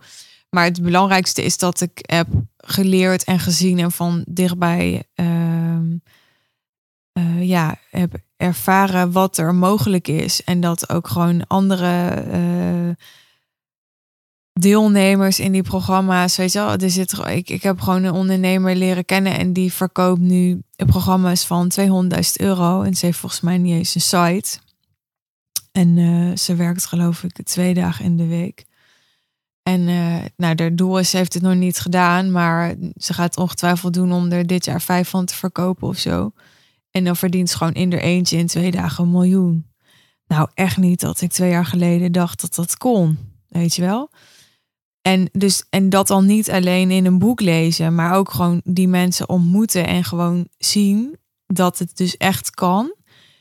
Dat is eigenlijk, kijk, natuurlijk hebben de alle skills over verkoop en marketing en hoe je zo'n programma maakt en, en hebben me ook heel veel geleerd. Maar het is wat vooral ook enorm veel heeft gedaan, is de omgeving waar ik in terecht ben gekomen. Een omgeving met mensen die dat allemaal doen. Ehm, waardoor je gewoon ziet dat het, dat, het, ja, dat het kan en wat er kan. Want er is, als ik tegen mensen zeg, ja, je kunt ook in je eentje een miljoen verdienen in twee dagen, niemand gelooft me. Weet je wel? Dus, dus daar, ja, het is echt zo. Dus daarin heb ik het gevoel van, van eh, ja, daarin voel ik wel het van mijn missie. Dat ik gewoon, ehm, ik weet dat ik in mijn marketing heel veel in herhaling val vaak, maar ik heb ook het gevoel dat het echt nodig is. Want, want ehm, ehm, ja, wat ik zeg, er, is, er zijn zoveel andere eh, geluiden. Er is zoveel ehm, van, ja, als je dingen wil bereiken, dan moet je hard werken en veel voor opgeven. En, en, en ehm, nou, dat. En, er is, en, en ook heel veel geluiden in het kader van, ja, geld is niet belangrijk of maakt niet gelukkig. Of, weet je, en ook van ondernemers die gewoon best wel succesvol zijn al en die al een paar ton doen en dan zeggen van, ja, ik hoef geen miljoen, want dat gaat me niet gelukkiger maken. maar bij jou is geld wel de drijfveer, toch? Tenminste, het idee krijg ik ja, wel dat eens. is wel een drijfveer, ja. Ik heb je wel zeggen, ook in een van die podcasts, dat je, je, je wordt ook wel echt gedreven door een angst voor armoede. Ja, ja, klopt. Ja, ge- ik merk, geld is voor mij ook echt niet mijn primaire drijfveer. Nee. Nee. Dus ik hoor je dat nu zeggen, maar ik, ik ben peper in je pand begonnen omdat ik leuke buren wilde en zag dat de makelaar niks deed. Ja.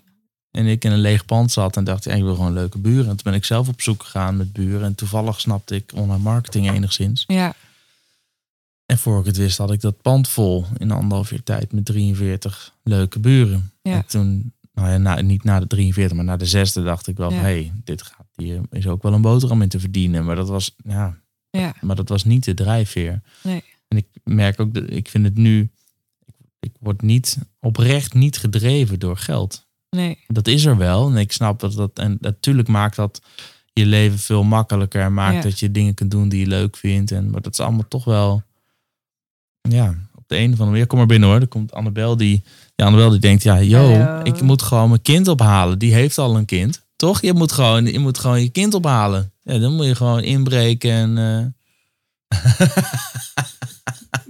spullen pakken. En, nou ja, maar ook dit, weet je, de vrij, als ik op een gegeven moment op een dag om vier uur middag denk, weet je, fuck it, ik heb zin om mijn kind op te halen. Ja, Dan ga ik mijn kind ophalen. Ja.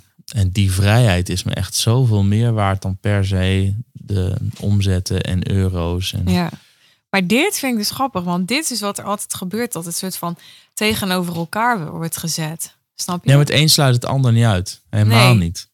Want dat is het een beetje dat ik dat mensen zeggen dan ook tegen mij, ja, maar als ik een miljoen verdien, dan geloof ik niet dat ik gelukkiger Ja, ben. die is alweer gestopt blijkbaar. Dus je kan Ja. er gewoon omheen lopen. Wat is er? Oh, is die daarom gestopt? Welke heb je eruit getrokken dan? Eh, die heb je eruit getrokken. Ah ja. Waar, wat is er? En er weer in gedaan? Nee, best. Maakt niet uit. Ja, nee hoor. Hij was toch alweer gestopt, zag ik. Jouw, eh Ja, ik weet niet wat hij heeft, denk dat maar hij gewoon, eh, geen zin van. nou. denk ik. Maar we, zijn wat, en we hebben wat Ja. paar achtergrondgeluiden van Annabel die de tas in pakt. Maar maakt, dat is het leuk van de podcast. Het is geen radio, hoeft allemaal Nee, niet helemaal het perfect.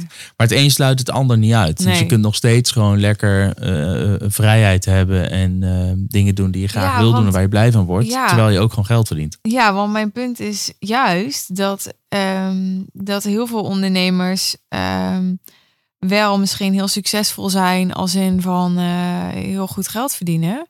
Maar dus totaal niet hun ideale leven aan ja. het leven zijn, snap je? Dus ja, ik, nou, dan heb ik het liever andersom. Ja, dus, dus ik ben helemaal geen voorstander van kosten wat kost geld verdienen. Dat juist niet. Weet je, dat is precies waarom ik zeg van. eh, ik ben die plannen van met die compagnons, dat is allemaal niet doorgegaan. Omdat ik gewoon voorzag van. Ja, dan moet ik gewoon eh, eerst een aantal jaar keihard werken. Terwijl er niks eh, voor terugkomt nog. En daar In heb ik gewoon euro's, geen zin ja. in. Ja. Nou ja, in euro's, maar ook gewoon in, in eh, dat je gewoon moet investeren. Weet je wel, niet, niet alleen in euro's. Want het is echt niet zo dat, dat, ehm, ehm, dat geld mijn enige drijfveer is of zo. Absoluut niet. Maar wel. Doeg. Maar ik, ja, ik terwijl ik het nu zeg, denk ik, ja, Suus, misschien moet je ook gewoon, ehm, laat ik het zo zeggen, in die, die groep met die andere business coaches sta ik er wel een beetje onbekend dat ik gewoon in die groep er altijd heel erg voor uitkom van, ja jongens, eh, ik weet niet wat jullie doen, maar ik wil gewoon geld verdienen hoor. Toch ook niet, is toch niet En- erg? Bedoel, nee, het nee, een is maar- ook niet slechter dan het andere. Maar iedereen kan er gewoon anders in staan, dat toch? ik merk van, van eh, aan de ene kant wil ik het nuanceren, omdat het ook gewoon genuanceerd ligt. En aan de andere kant denk ik, ja, ik moet in mijn marketing het ook wel gewoon misschien zo duidelijk zeggen. Want dan, ja, dan trek ik ook de mensen aan die zich Geld daardoor, ja, Ja. weet je. En dat zijn ook denk ik wel mijn mensen met wie ik match. Die, die dat ook in mij kunnen waarderen, want anders komen ze niet bij mij. Dus ehm, antwoord op je vraag? Ja, nee, Ik heb ja, echt het goed, gevoel dat, ik, eh, dat we volgens mij heel is er ook afdwalen. Nee, ja, dat maakt, ook dat vind ik lekker aan een podcast. Dat kan gewoon. Ja, ik. De antwoord op mijn vraag, volgens mij was er niet eens een vraag. We hadden het er gewoon Ja, over dat er ja. eh, geld maakt niet gelukkig. Of Nee. maakt. Nee, ja. Maar waar Voor sommige nou, mensen maakt geld gewoon wel gelukkig. En dat is, en dat Ja. is ook prima. Jij zei, hè, in die andere podcast had jij het over je angst voor armoede. Als dat je angst is, dan maakt geld dus gelukkig. Want het neemt dus een angst weg. Als jij geld hebt, dan is dat dan. Mm, Ja, dat, dat, dat weet ik niet hoor. Dat is denk ik echt. Die angst dat blijft? is een verkeerde aanname, denk ik. Je moet niet. eh, nee, je moet denk ik niet denken. Kijk, geld is gewoon een middel om. ehm, ja, je, je, om het even een beetje eh, zweverig te zeggen, maar om je potentieel tot vervulling te brengen. Zo zie ik dat. Weet je, geld bepaalt voor een heel groot deel. ehm, Maar dat is gelderkenning. Waar en eh, nee, wat ik bedoel is eh, dat het bepaalt waar en, en hoe je eet of je kleedt of woont. Weet je wel, kunt wonen of op vakantie kunt gaan of wat je wel en niet kunt permitteren. Dat. Eh, het bepaalt ook ehm, welke opleidingen, welke inderdaad mentoren, coaches je kunt betalen, maar ook ehm, met welke partners, met wat voor teamleden je kunt samenwerken. Dat bedoel ik veel meer met je Hmm. potentieel tot eh, vervulling brengen. En het zorgt ervoor dat je je. Ja, het is ook iets moois wat ik van Laura heb geleerd, zeg maar onafhankelijk kunt maken van het eh, systeem, zoals zij dat noemt. En, en dat, ja, dat vond dat. Ik vind het wel heel mooi hoe zij dat zegt. Want ehm, zij zegt dus als je geen geld hebt, dan moet je. eh, nou, om even een voorbeeld te noemen. Ik moest dus vanmiddag naar eh, de gynaecoloog in het ziekenhuis. En dan zit je, was in dit geval helemaal geen probleem, maar dan zit je zeg maar in het systeem. Dus je moet daar om, om half twee zijn. Je kan niet zeggen van, eh, dat komt me niet uit, ik wil om vijf uur, weet je wel. Dan zeggen ze gewoon, ja, uh, ja, pech. Je moet daar om half twee zijn. En als ze een uur uitlopen, dan lopen ze een uur uit. En um, nou, snap je beter wat ik bedoel? Dat is, je hebt natuurlijk heel veel systemen in deze maatschappij. En als je geld hebt, dan kun je het je permitteren om uh, te zeggen, nou, ik ga niet uh, uh, mee in het systeem. Maar ik maak veel onafhankelijker mijn eigen keuzes. Ik ga niet um, in de rij staan bij de Albert Heijn of uh, thuis zijn omdat mijn boodschappen worden bezorgd of wat dan ook. Maar ik neem wijze van spreken een kok. Snap je? Ik noem even een stom voorbeeld. Maar um, en dat is iets wat mij heel erg aanspreekt in geld. Dat het nog veel meer uh, autonomie geeft. Weet je, en soms is het helemaal geen probleem om in het systeem mee te gaan. Maar soms vind ik het ook bloedirritant. En dan denk ik van, nou, ik zou dat wel anders willen. En dan is eigenlijk de enige manier om dat volgens mij echt anders te kunnen doen. Met geld. Maar waar eindigt het dan? Nergens. Nee. Ik denk als je ambitieus bent, dan eindigt het nergens. Nee, want stel, en dan heb je op een gegeven moment, heb je thuis een kok. Ja. En wat wil je dan?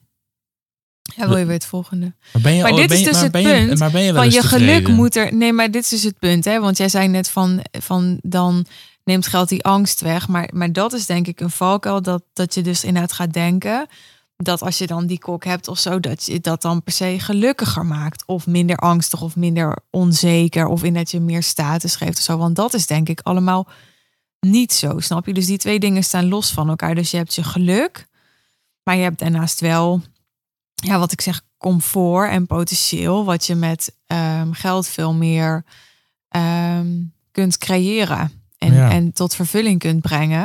Maar dat staat los van je geluk. Ja, ik Dat ben daar ik wel, wel. echt in veranderd. Ik had toen ik, toen ik, ik denk toen ik de middelbare school zat, toen dacht ik echt, ik wil miljonair worden. En ik wilde een hele dikke, vette, mooie auto. En het was ook, we hadden thuis gewoon echt niet breed. Dus daar kwam het misschien ook wel vandaan. Dat ik echt dacht, nou, ik wil gewoon juist, ik wil alles wat er kan, dat wil ik. Ik wil vooral, ja, ik wil miljonair worden, zei ik. Dat ik wil echt veel geld hebben. En zo door de jaren heen is dat echt, echt een beetje weggegaan. Weet je, Ja. ik wil gewoon, ehm, ik wil het goed hebben. Ik wil dat mijn gezin het goed heeft. En eh, als ik nu moet kiezen tussen, ik heb wel vrienden die zijn een consultant bijvoorbeeld of partner bij een grote firm. Ja, die werken zich helemaal de tering. Die zijn, gaan echt ochtends vroeg weg en zijn s'avonds laat thuis. Ja. Eh, dat is al anders dan in het programma wat jij natuurlijk, eh, Ja. in, in, in jouw ideaalbeeld is dat eh, met veel minder tijd Ja. dingen verdienen. Maar die werken zich helemaal de schompers. Ja, En dat Ik- zou je er niet voor over hebben. Nee, dat begrijp ik helemaal. Maar, maar dan zet je het weer dus- tegenover elkaar. ja.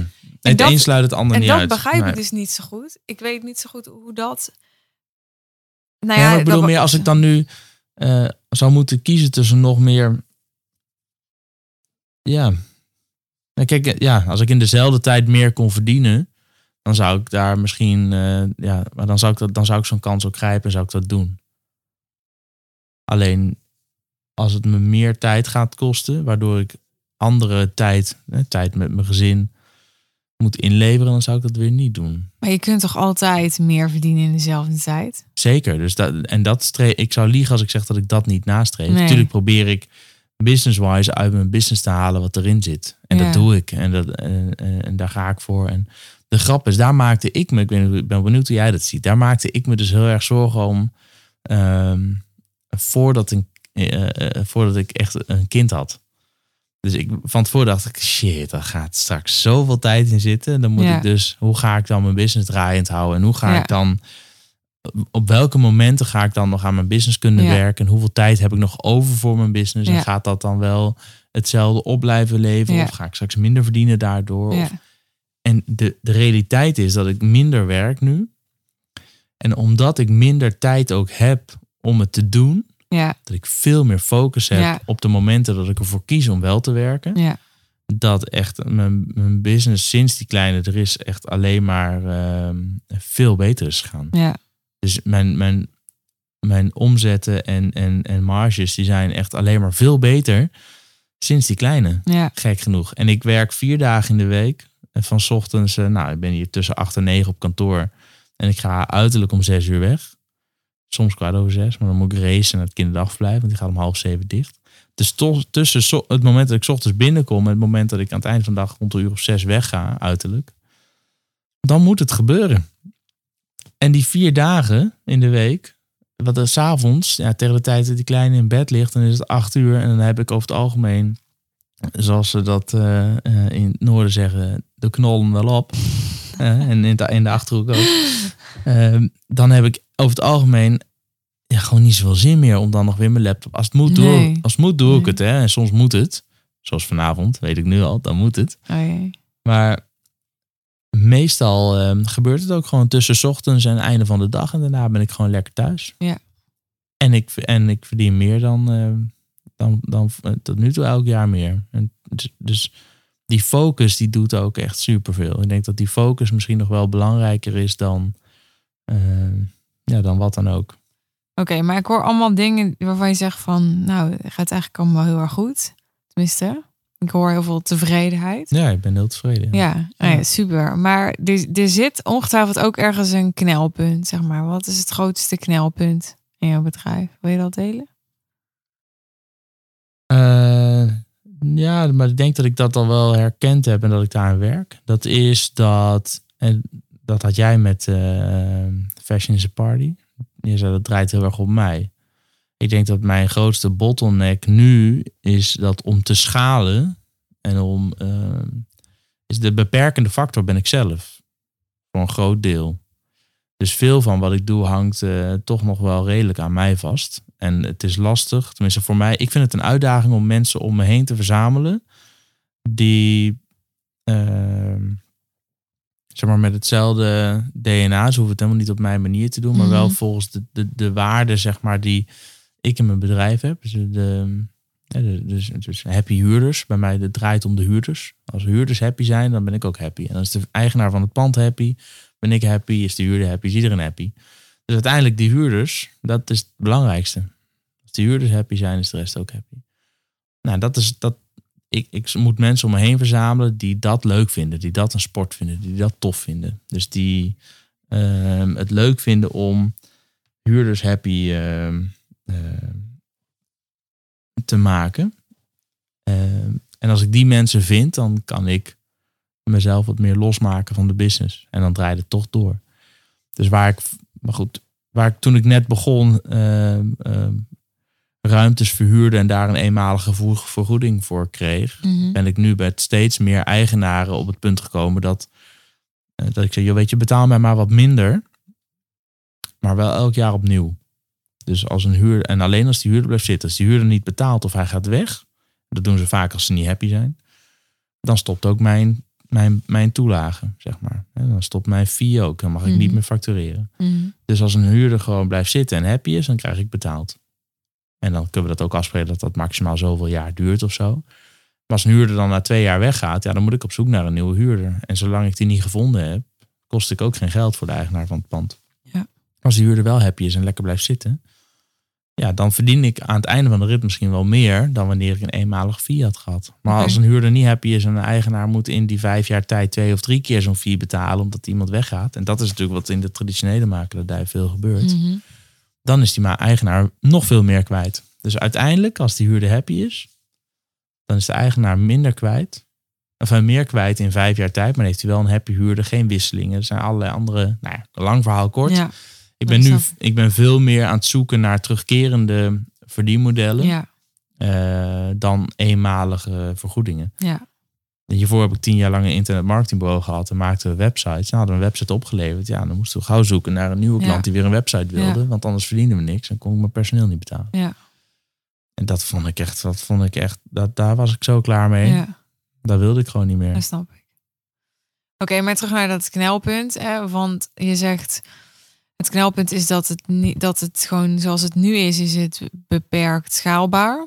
Ja, ik het gaat nu beter, want ik heb dus Annabel aangetrokken. En we hebben morgen of overmorgen weer een sollicitant. Ja, oké. maar dan ga je weer een team bouwen Ja. en kosten maken.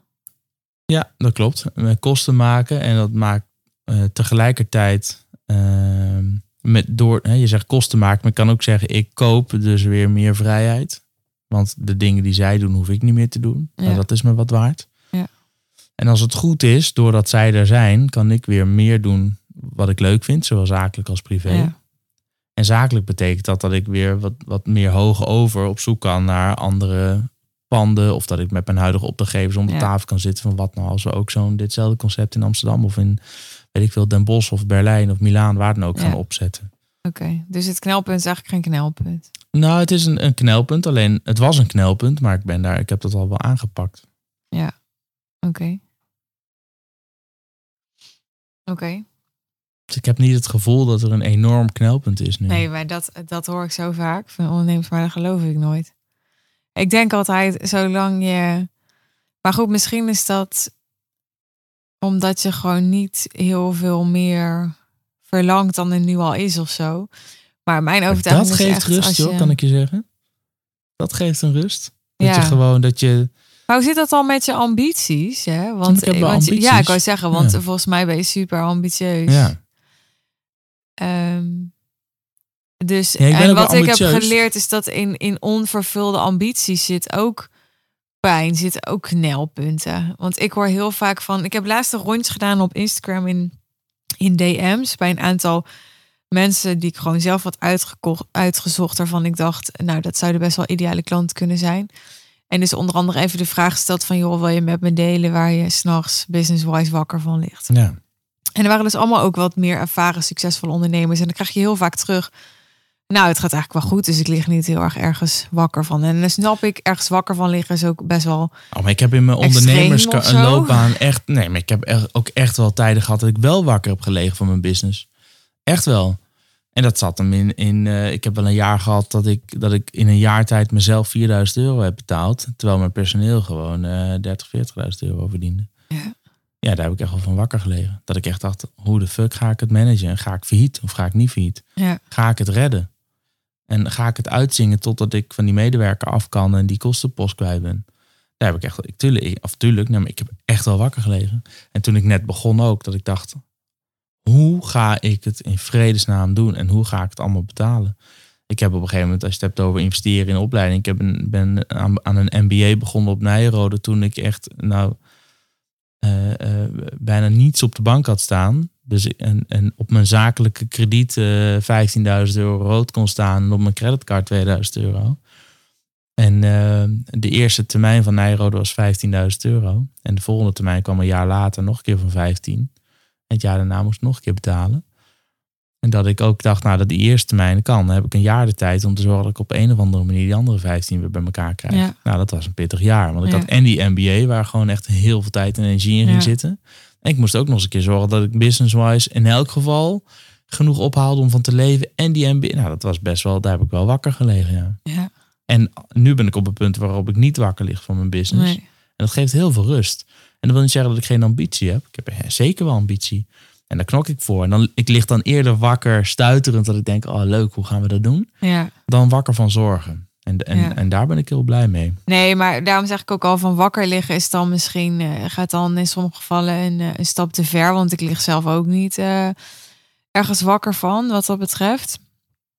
Maar ehm, Nee, maar ik- wat ik zei is, ik heb er dus wel wakker van. Dus ik Ja. weet hoe het is om wakker te liggen als je business niet goed is. ja, En dat maakt dat het me nu ook heel veel rust geeft. Dat het nu gewoon. Ik kan nu prognosticeren. Ik weet nu, als er geen gekke dingen gebeuren, als ik het niet verneuk bij mijn huurders en, en er gaat niemand failliet, nou dan kan ik redelijk inschatten wat er het komend jaar binnen gaat komen. En daar kan ik op sturen. Ja. En dan kan ik ook af en toe achteroverleunen en denken, oké, en niet, niet uit luiheid, maar wel een stapje terugnemen en, en kijken, oké, dit gaat nu gebeuren. Wat, hoe kan ik het nou zo gaan sturen? Wat kan ik gaan doen om te zorgen dat dat keer twee, keer drie, keer vier gaat? Ja. Dus ik ben echt wel ambitieus. Ja.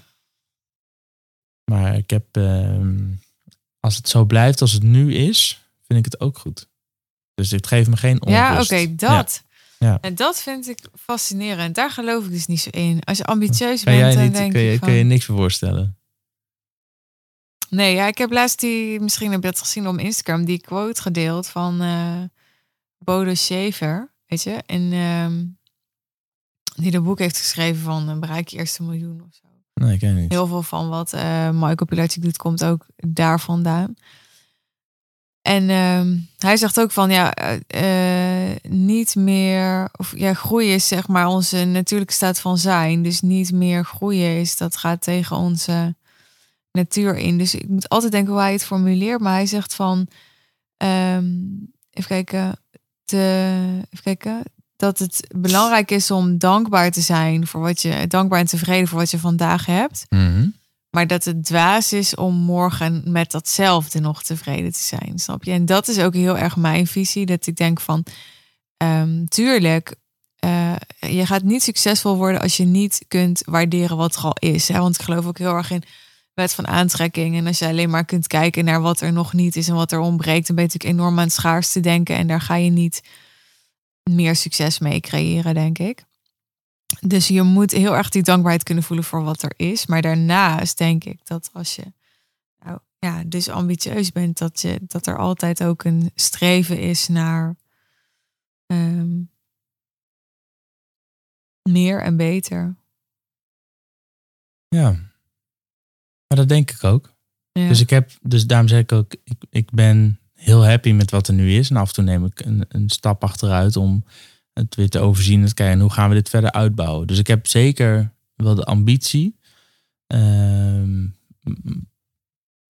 maar ja, ik ben ook wel heel happy met wat er nu is. Dus het is, weet je, als het, eh, volgens mij, heb jij dat niet in een podcast ergens een keer gezegd of geschreven ooit, dat je ehm, toen je begon dacht, nou, als ik, als ik toch dit ongeveer ga verdienen, nou, dat zou echt gek zijn. En dat je op een gegeven moment op een punt komt dat je dan dat leven leidt en dat verdient. En de- dan denk je, ja. En dat je nu terugkent en denkt dat ik daar toen tevreden mee was. ja. ja, het zou best kunnen hoor. Maar zo werkt het inderdaad wel. Ja, en ik denk nu ook als ik, als ik een paar, Ja. jaar, een paar jaar geleden. ehm, had ik me niet kunnen voorstellen dat ik nu zou doen wat ik nu doe. En dat ik het nu heb zoals ik het nu heb. Had ik zeker toen ik 16 was niet kunnen bedenken. Nee. Dus ik, dus ik vind het ook wel heel waardevol om daar gewoon wel bij stil te staan. En ook gewoon blij te zijn met wat je al hebt Zeker, bereikt. En ja. tuurlijk ook, en tuurlijk ben ik ambitieus en eh, eh, wil ik als het kan, als er meer in zit. Dat is het misschien. Als ik het gevoel heb dat er meer potentie is, dan wil ik die potentie benutten. Dan zou, dan zou ik het zonde vinden om dat niet te doen, terwijl, het wel zou, terwijl ik het gevoel heb dat het zou kunnen. Dat doe ik Ja. niet. Als ik het gevoel heb, het kan, dan ga ik het doen. Ja. Ik ga niet nee zeggen tegen hele gave, toffe klussen en opdrachten. eh, omdat ik al tevreden ben met wat ik nu heb. Nee. Als ik denk, nou, dat is te gek en dat is gaaf en dan word ik door uitgedaagd en dan ga ik nog meer verdienen. Dan zou ik dat doen. Ja. Dan zou ik er volmondig ja tegen zeggen. Ja. Maar niet ten koste van alles. Als dat Nee. betekent dat ik eh, om de week eh, een week in het buitenland moet vertoeven bijvoorbeeld. Dan zeg ik, nou, dan ben ik liever gewoon thuis met mijn Ja. gezin. Ja, maar zo is bij mij eigenlijk ook. Want geld is wel een drijfveer, maar dus ook niet ten koste van alles. Nee, mijn vader vroeger altijd, geld maakt niet gelukkig, maar geen geld maakt wel ongelukkig. Ja. Ja, nou ja, ik denk dat geld niet automatisch gelukkig maakt. En ehm, ik ken trouwens ook al mensen die, die geen geld hebben gehad en daar ook prima mee konden leven. Dus maar ik snap gewoon niet, het wordt altijd zo in, ook in verband gebracht met elkaar. En ik Geluk zou, en geld. ja. Weet je, alleen al die uitspraak van geld maakt niet gelukkig. Weet je wel, hoe vaak, hoe vaak hoor je die wel niet? Of iets wat erop lijkt. En als het over geld gaat, dan moet altijd dat geluk er een soort van tegenover staan. Terwijl ik gewoon, ik zie het verband gewoon niet. Voor mij zijn het echt twee verschillende dingen. Dan denk ik, nee, geld gaat je niet automatisch gelukkig maken, maar ook niet automatisch ongelukkig maken. Nee. Het is gewoon ehm, Verdomde handig. ja, een middel, Ja. weet je wel? Ja, Ja. net zoals eh wijze van spreken ehm, kinderen. Ik denk als je graag kinderen wil, ja, is misschien een rare vergelijking, maar het is gewoon iets wat nu in me opkomt. En je hebt ze dan, dan denk ik, daar word je denk ik niet automatisch gelukkiger van. Ik weet het niet hoor, misschien ga ik dat anders ervaren. Ook niet eh, automatisch ongelukkiger, omdat je, maar het is, het is denk ik los van elkaar. Snap je? Je geluk zit om het even heel eh, therapeutisch te maken. Het geluk zit zeg maar in jezelf. Dat is gewoon een stukje persoonlijk ehm, eh, inner work, denk ik. En ehm, ehm, ja, hoe je, hoe je, eh, hoeveel je verdient en hoe je, met je, hoe je je geld besteedt en hoeveel tijd je hebt en hoeveel, hoe je je tijd besteedt en al die andere dingen, dat, dat zijn allemaal ehm, eh, maar middelen om een, een zo vervullend en comfortabel mogelijk leven te creëren. Maar, er zit allemaal niet, denk ik, het echte geluk in. Ik denk zelfs in kinderen niet. Wel in momenten natuurlijk met je kinderen. Wel natuurlijk dat denk ik dat als je je kind geboren wordt en als het stapjes zet en zo. En, en, en datzelfde geldt voor momenten dat je bijvoorbeeld eh, met het geld dat je hebt een, een droomreis boekt of zo. Snap je? Ik denk dat daar het geluk in zit. Maar nou, nogmaals, ik, ik snap gewoon dat verband tussen geld en geluk niet zo. Dan denk ik, waar is dat begonnen of zo? Dat, Ja. Ik weet het ook niet. Ik weet wel dat als ik zo die kleine op ga halen en eh, dan is er altijd zo'n moment dat je binnenkomt in, die, in dat kinderdagverblijf of in die tuin daarachter met mooi weer. En dat, die gewoon, dat, je, dat je staat te kijken hoe die lekker aan het spelen is. Ja, daar word ik al gelukkig van. En dan komt er een moment dat hij je ziet. ja. En dan zie je de blijdschap in die oogjes. En dan rent hij op je af. En, Papa! Ja, daar gelukkiger dan dat wordt het, word ik volgens mij niet. nee. En Nee, dat maar hij dan om je, om je armen ja. vliegt en, Ja. en knuffelt. En, en, Ja. zegt, en dan na een dag heb je hem 's ochtends weggebracht. En zo dadelijk, weet ik nu al, dan vliegt hij in mijn armen en zegt hij... Oh papa, heb je zo gemist? Ja, ja dan kun je mij wegdragen. dan word ik echt een natte tosti op zo'n Ja. moment. Dat vind ik Ja, heerlijk. maar dat is toch Ja. het moment. Want ik denk ook niet dat je kan stellen dat per definitie mensen met kinderen gelukkiger zijn dan mensen zonder kinderen, Nee, snap je? nee, ik ken- Dus ja. net zoals dat mensen met geld dus ook niet per se gelukkiger zijn dan mensen zonder geld. Dus dat, volgens mij zit dat geluk hem nooit in de omstandigheden en in de externe factoren. Ik denk dat mensen met geld het soms gewoon eh, makkelijker hebben. En, dat, en soms ook niet. Er Ja. zijn ook mensen met heel veel geld die het juist veel lastiger hebben. Ja, Doordat ze zoveel geld Ja. hebben. brengt Ja. ook heel veel verantwoordelijkheid met zich mee. Dat is wat ik vaak zeg van wat ik ook wat mij ook aanspreekt aan geld is dat het ehm, er is zeg maar gewoon een ik weet niet hoeveel maar een hoeveelheid geld in de wereld en als jij er meer van hebt dan trek je eigenlijk gewoon een stukje meer verantwoordelijkheid naar je toe. En ja, daar kan je mee doen wat je wil. Daar kan je op een goede manier mee omgaan, op een minder goede manier mee omgaan. Ja. Maar die verantwoordelijkheid, dat Ja. spreekt me wel aan. Want dat, dat gaat voor mij ook samen met die, die autonomie waar ik het net over had. Maar alles wat je overhoudt, geef je weg, toch? Van dat miljoen als je dood bent. Misschien. Als ik dood ben, dan wel. Ja, toch? Je hebt toch, wel- dat- je hebt toch wel Nee, er is geef alles weg? Nee, er is net zo'n quote van als je, nee, als je een miljoen hebt verdiend. Ik heb hem niet zo eh, letterlijk paraat, maar dan ehm, kun je het ook weer weggeven, omdat je dan merkt dat het niet gaat om de miljoen, maar om de persoon die je geworden bent daardoor. En eh, dat is wel heel mooi. Ik heb dit volgens mij nooit eerder verteld. Ik weet niet, volgens mij zitten we echt al heel lang te praten. Hè? Ja, Dus ja moet moeten zomaar wel eens een keer gaan afronden. want Anders dan ik te laat bij het kinderdagverblijf. Ja. Maar wat heb, je nog nooit, wat heb je nog nooit verteld? Ja, ik denk dat ik dit nog nooit verteld heb. Dus misschien vind je dit leuk. Maar toen ik de eerste keer bij Maximum Potential was. En die medita- toen we die meditatie deden. Toen, ehm, ik weet niet of ik, of ik soort van met een intentie die, die meditatie inging. Maar eh, ik, ik had toen opgeschreven op mijn voorbereidingsformuliertje voor dat event voor Michael. Van eh, dat ik een miljoenenbedrijf wilde. En eh, en nou, Michael had me echt als eerste uit dat publiek gehaald. En die ging een soort interventie met mij doen. Of die ging mij coachen. En die, ging, die had zoiets van, ja, waarom dan een miljoen? Weet je wel? En waarom, die had zoiets van, ja, dat is leuk dat je dat bedacht hebt. Maar... En ehm, ja, hij lulde mij zeg maar helemaal in de hoek om het plat te zeggen. Want ik had daar ook helemaal geen antwoord op. Het was ook iets wat ik maar gewoon had bedacht, weet je wel? Van, van ja, waarom dan niet... ehm, eh, als het 1 miljoen kan zijn, ik geloof dat ik 1 miljoen had opgeschreven, 1 miljoen omzet of zo. Waarom dan niet eh 2 miljoen of 5 miljoen of weet je wel? Ja. Ehm, en toen, ehm, toen dacht, toen realiseerde ik me ook van ja, ik heb helemaal niet een, een duidelijk waarom daarvoor. En toen ging ik daarop mediteren en toen zag ik mezelf met. ehm,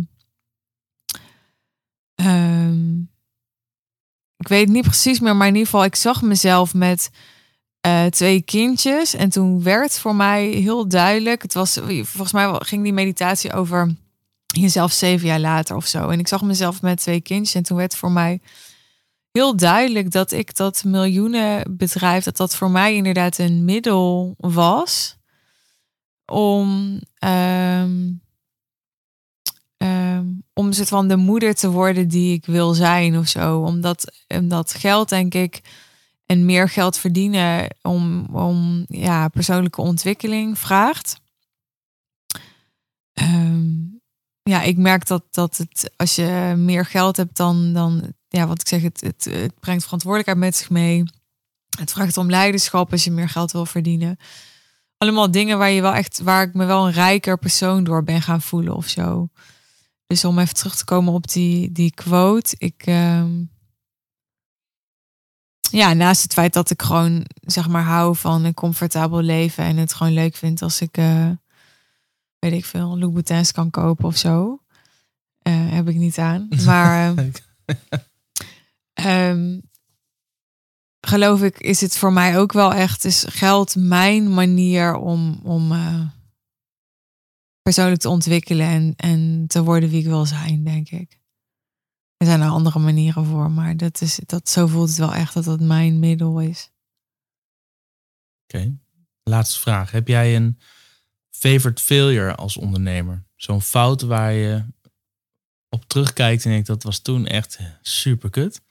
Oh, maar daar heb ik heel veel van geleerd. En uh, die wil ik wel delen met de luisteraar om te voorkomen dat zij dezelfde fout maken. Um, ja, natuurlijk heb ik, ik heb genoeg fouten gemaakt, dus aanhalingstekens. Mm.